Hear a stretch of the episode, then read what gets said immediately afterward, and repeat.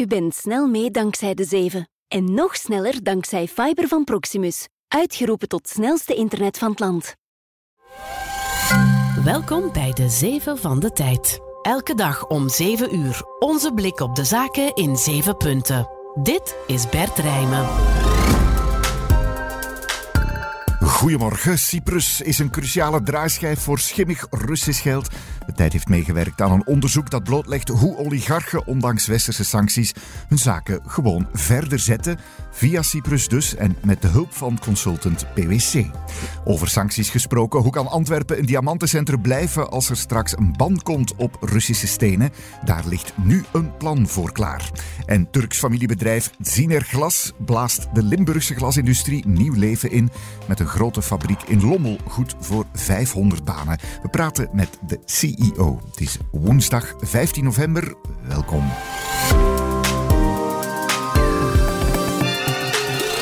De 7 van de tijd. 1. Maar eerst nieuws van de voorbije nacht. Het Israëlische leger heeft laten weten dat het een operatie uitvoert tegen de Palestijnse extremistische organisatie Hamas in het Al-Shifa ziekenhuis in Gaza.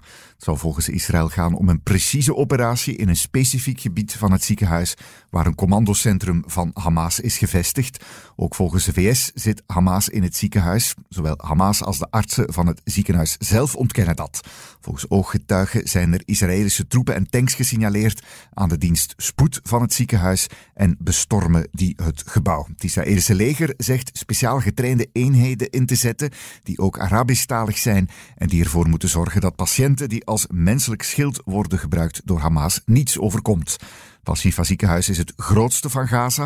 Er zouden zich nog duizenden mensen bevinden, waaronder zieke personeelsleden en ook burgers op de vlucht. 2.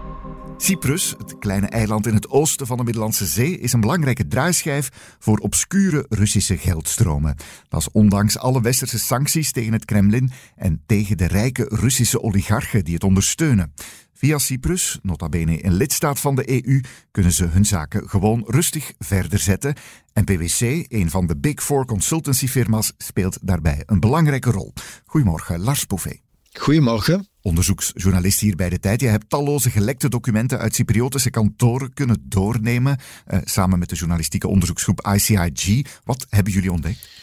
We hebben meer dan 3,6 miljoen documenten in handen gekregen. Die zijn uitgelekt bij zes advieskantoren op Cyprus. En dat zijn kantoren die werken voor buitenlandse klanten en daar allerlei vennootschappen bijvoorbeeld voor opzetten, maar dus vooral voor Russen.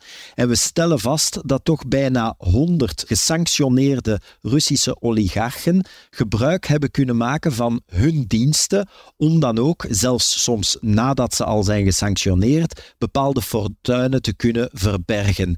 En tussen de gelekte gegevens hebben we trouwens ook nog de namen teruggevonden van 143 Belgen en een veertigtal Belgische bedrijven. Mhm, laten we beginnen bij dat laatste. Lars, wat is de Belgische link in dat Cypruslek? We leggen bijvoorbeeld constructies bloot via Cyprus, maar ook via andere schuiloorden, zoals de Britse Maagdeneilanden. Mhm. Die zijn opgezet voor de ja, misschien bekendste Russische oligarch Roman Abramovich, die ook meteen is gesanctioneerd. En in die constructies duiken toch ook wel linken naar ons land op. Bijvoorbeeld toen onze ja, bekende voetballer Eden Hazard uh, naar Chelsea is gegaan, bleek er ook tegelijk via de Britse Maagdeneilanden een transactie te zijn geregeld van 7 miljoen euro uh, met de toenmalige makelaar van Eden Hazard. Maar via de Britse Maagdeneilanden heeft diezelfde uh, oligarch bijvoorbeeld ook nog eens een betaling van zo'n 100.000 Britse pond gedaan aan een Belgische advocaat die op dat moment uh, de regels van financial fair play aan het aanvechten was van de UEFA. Dus je ziet allerlei verdoken betalingen die nu aan het licht komen. En dus ook, en ja, vooral eigenlijk verdoken betalingen aan en door gesanctioneerde Russen, die dan werden geholpen door PwC. Ja, PwC is op Cyprus een van de grootste spelers in zijn branche en lijkt allerlei constructies ook uh, te hebben opgezet voor Russische klanten.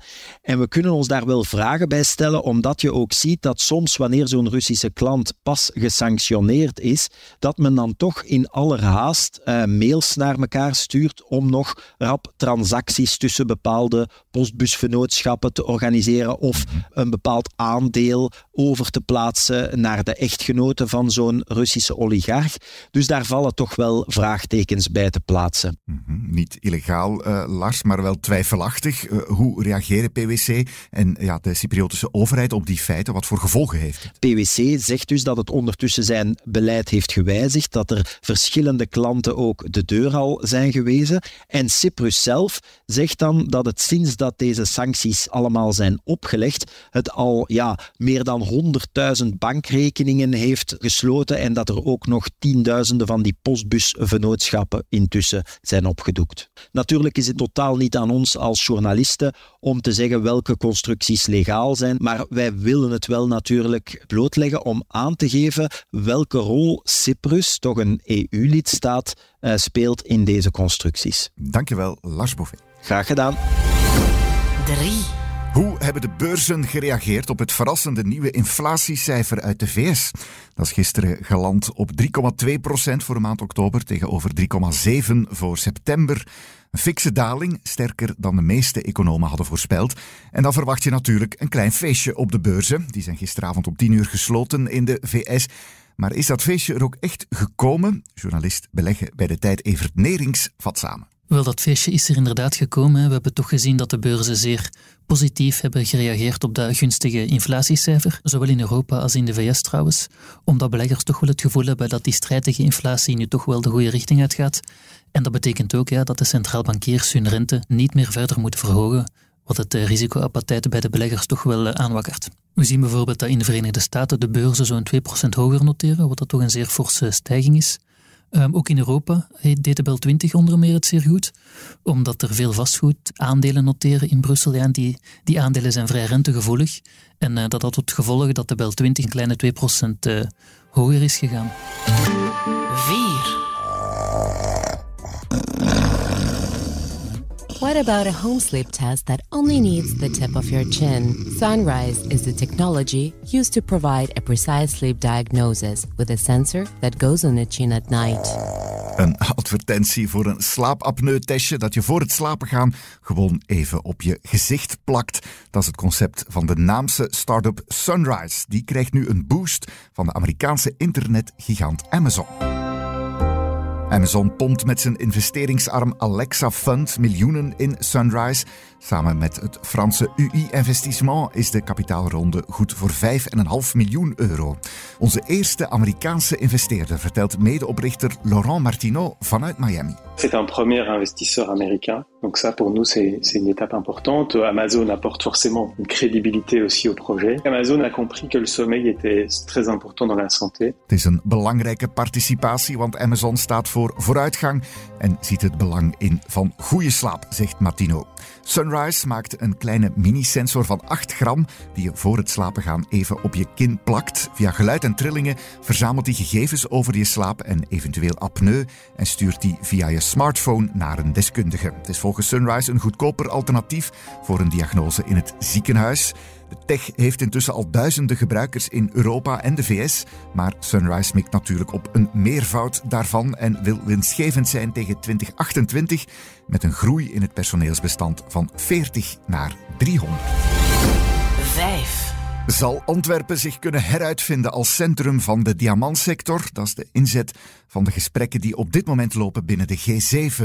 De rijke industrielanden broeden opnieuw op een ban op Russische diamanten. Geloof het of niet, die zitten nog altijd niet in het Europese sanctiepakket. Zo'n ban zou een vloek zijn voor Antwerpen, dat is wat velen dan zeggen. Maar met die nieuwe strategie wordt het misschien net een zegen. Hoezo? Goedemorgen, Pieter Suij. Goedemorgen. Banken en dus ook diamantenman hier bij de tijd. Pieter, vertel nog eens, uh, voor welk dilemma staan ze daar in Antwerpen? Ja, Antwerpen geldt al eeuwen eigenlijk als het centrum van de wereldwijde diamanthandel. Natuurlijk Sinds de oorlog in Oekraïne is losgebarsten vorig jaar, zit iedereen daar naar te, naar te kijken van wat de impact daarvan kan zijn op Antwerpen. En dat komt vooral omdat Rusland de grootste producent van ruwe diamanten ter wereld is. En het gros van die diamanten, die ruwe diamanten, die wordt getrade in Antwerpen dat is eigenlijk voor een deel ook de reden waarom België zich altijd heeft verzet tegen mogelijke sancties, tegen Russische diamanten. Omdat ja, de schrik was voor één, Antwerpen zou daar heel veel van zijn handel mee verliezen. En twee, de sancties zouden misschien ook niet echt zo efficiënt zijn, want veel van die gesanctioneerde handel zou gewoon verhuizen naar andere centra, zoals Mumbai of Dubai, waar dit allemaal niet geldt. Dus Antwerpen zou zich met gewone sancties in de voet schieten. Maar België heeft nu dus een plan om ja, een eventuele ban wel degelijk effectief te maken en die Antwerpse diamantsector uh, ja, niet al te veel pijn te doen. Ja, het plan bestaat er eigenlijk in om de markt in te zetten als wapen tegen Russische diamant. 70% van de consumptie van diamanten gebeurt in het Westen. Mhm. Als je nu een manier uitwerkt waardoor dat die westerse consument gewoon geen Russische diamant meer kan kopen, dan zijn we al een heel eind verder. En hoe doe je dat? Dat kan je doen door eigenlijk een traceersysteem op poten te zetten, zodat je ziet welke weg een steen heeft afgelegd van de mijn tot aan de ring op je vinger, bij wijze van spreken. Op die manier kunnen grote juweliers ook zeker zijn dat de juwelen die zij verkopen, dat daar geen Russische stenen in verwerkt zitten. Welke rol speelt Antwerpen daarin? In het voorstel dat België op tafel legt, wordt Antwerpen een beetje gezien als de poortwachter. Antwerpen heeft nu al de know-how in huis om alle ruwe stenen die er binnenkomen te controleren. En zij zouden eigenlijk alle stenen gewoon nu een beetje tegen het licht houden en alle data daarover plaatsen op een, ja, een blockchain, zeg maar, een digitaal grootboek. Antwerpen behoudt dan dus zijn status als de diamantstad en wordt zo'n beetje de wereldwijde poortwachter. Benieuwd of dat Belgische voorstel het ook haalt. Bedankt, Pieter Suij. Graag gedaan.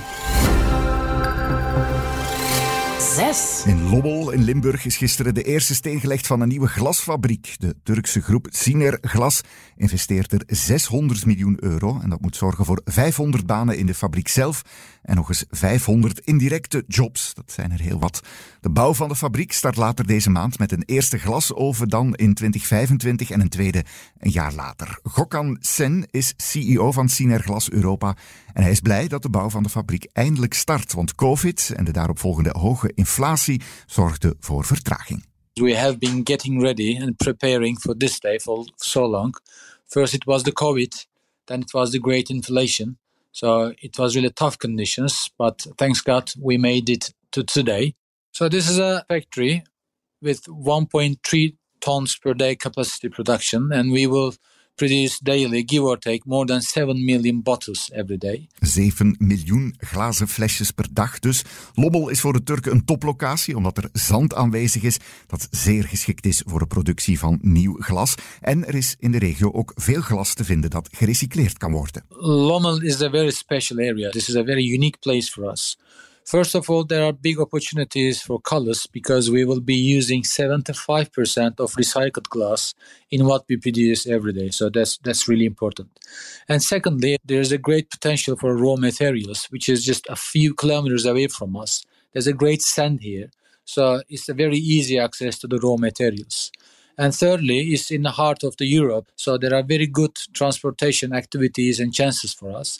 And also, there are big customers. It means the every bottle we produce will not be you know, traveling too much. De klanten wonen dus ook niet ver, ook altijd goed voor een fabriek. Lommel is een stad met een rijke geschiedenis in de glasindustrie, met onder andere een lampenfabriek van Philips. En het wordt er weer drukker, want naast de Turken komt ook het Zwitserse bedrijf Glaas Trush met een nieuwe glasfabriek naar Lommel.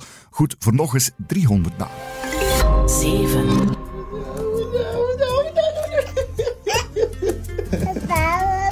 Ramesh Bishwakarma, een van de bekendere TikTokkers in Nepal, speelt met zijn kleine dochtertje in een van zijn laatste video's. Heel schattig, maar hij zal binnenkort toch een ander platform moeten zoeken om zijn honderdduizenden volgers te bereiken, want Nepal heeft besloten om TikTok te verbieden. Verbod is meteen van kracht, zegt de Nepalese overheid. Er zouden de afgelopen vier jaar ruim 1600 zaken van cybercriminaliteit rond TikTok zijn geregistreerd. Het gaat dan over het delen van naaktfoto's zonder toestemming tot financiële afpersing. De overheid heeft er de buik van vol en zegt dat de Chinese video-app de sociale harmonie in het land verstoort. Nepal sluit dus aan bij het alsmaar langer wordende rijtje van landen die TikTok verbieden om politieke of veiligheidsredenen. Daarmee zit deze de zeven er weer op. Voor wie nog een nuttige bezigheid zoekt nu zaterdag. Het gaat toch regenen. Eén tip: Finance Avenue, de grootste geldbeurs van het land. Hier vlakbij op Tour en Taxis in Brussel. Alles wat je wil weten over beleggen, sparen, huizen kopen of verkopen. En of je geld nu in AI moet steken. De antwoorden liggen er voor het rapen. Inschrijven kan nog en is vooral ook volledig gratis. Voor alle info ga naar financeavenue.be. Voor nu alvast een fijne dag en tot morgen. Dit was De Zeven met Bert Rijmen. Productie door Roan van Eyck van op de redactie van De Tijd. Voor meer business en straffe nieuwsverhalen check tijd.be of onze app. Morgen zijn we er weer. Tot dan.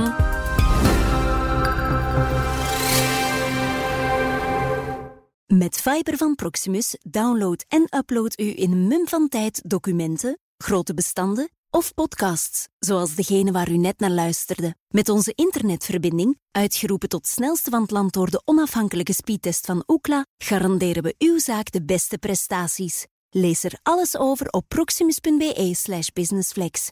Meer weten? Onze 300 business experts staan klaar om u verder te helpen. Proximus. Think possible. De nieuwe ontwikkelingen van artificiële intelligentie komen in golven op ons af. Binnenkort zal AI naadloos verweven zijn in diverse aspecten van ons leven. De maakindustrie, de gezondheidszorg of misschien zelfs op de werkvloer. Zal dit de productiviteit verhogen? Zullen complexe vraagstukken in de gezondheidszorg sneller een antwoord krijgen en zal AI voor nog een betere tijdsindeling zorgen op de werkvloer? EY biedt al een glimp van dat toekomstbeeld. Wil je graag meer lezen of luisteren over AI? Ontdek alle andere artikels en podcasts via tijd.be/inzicht.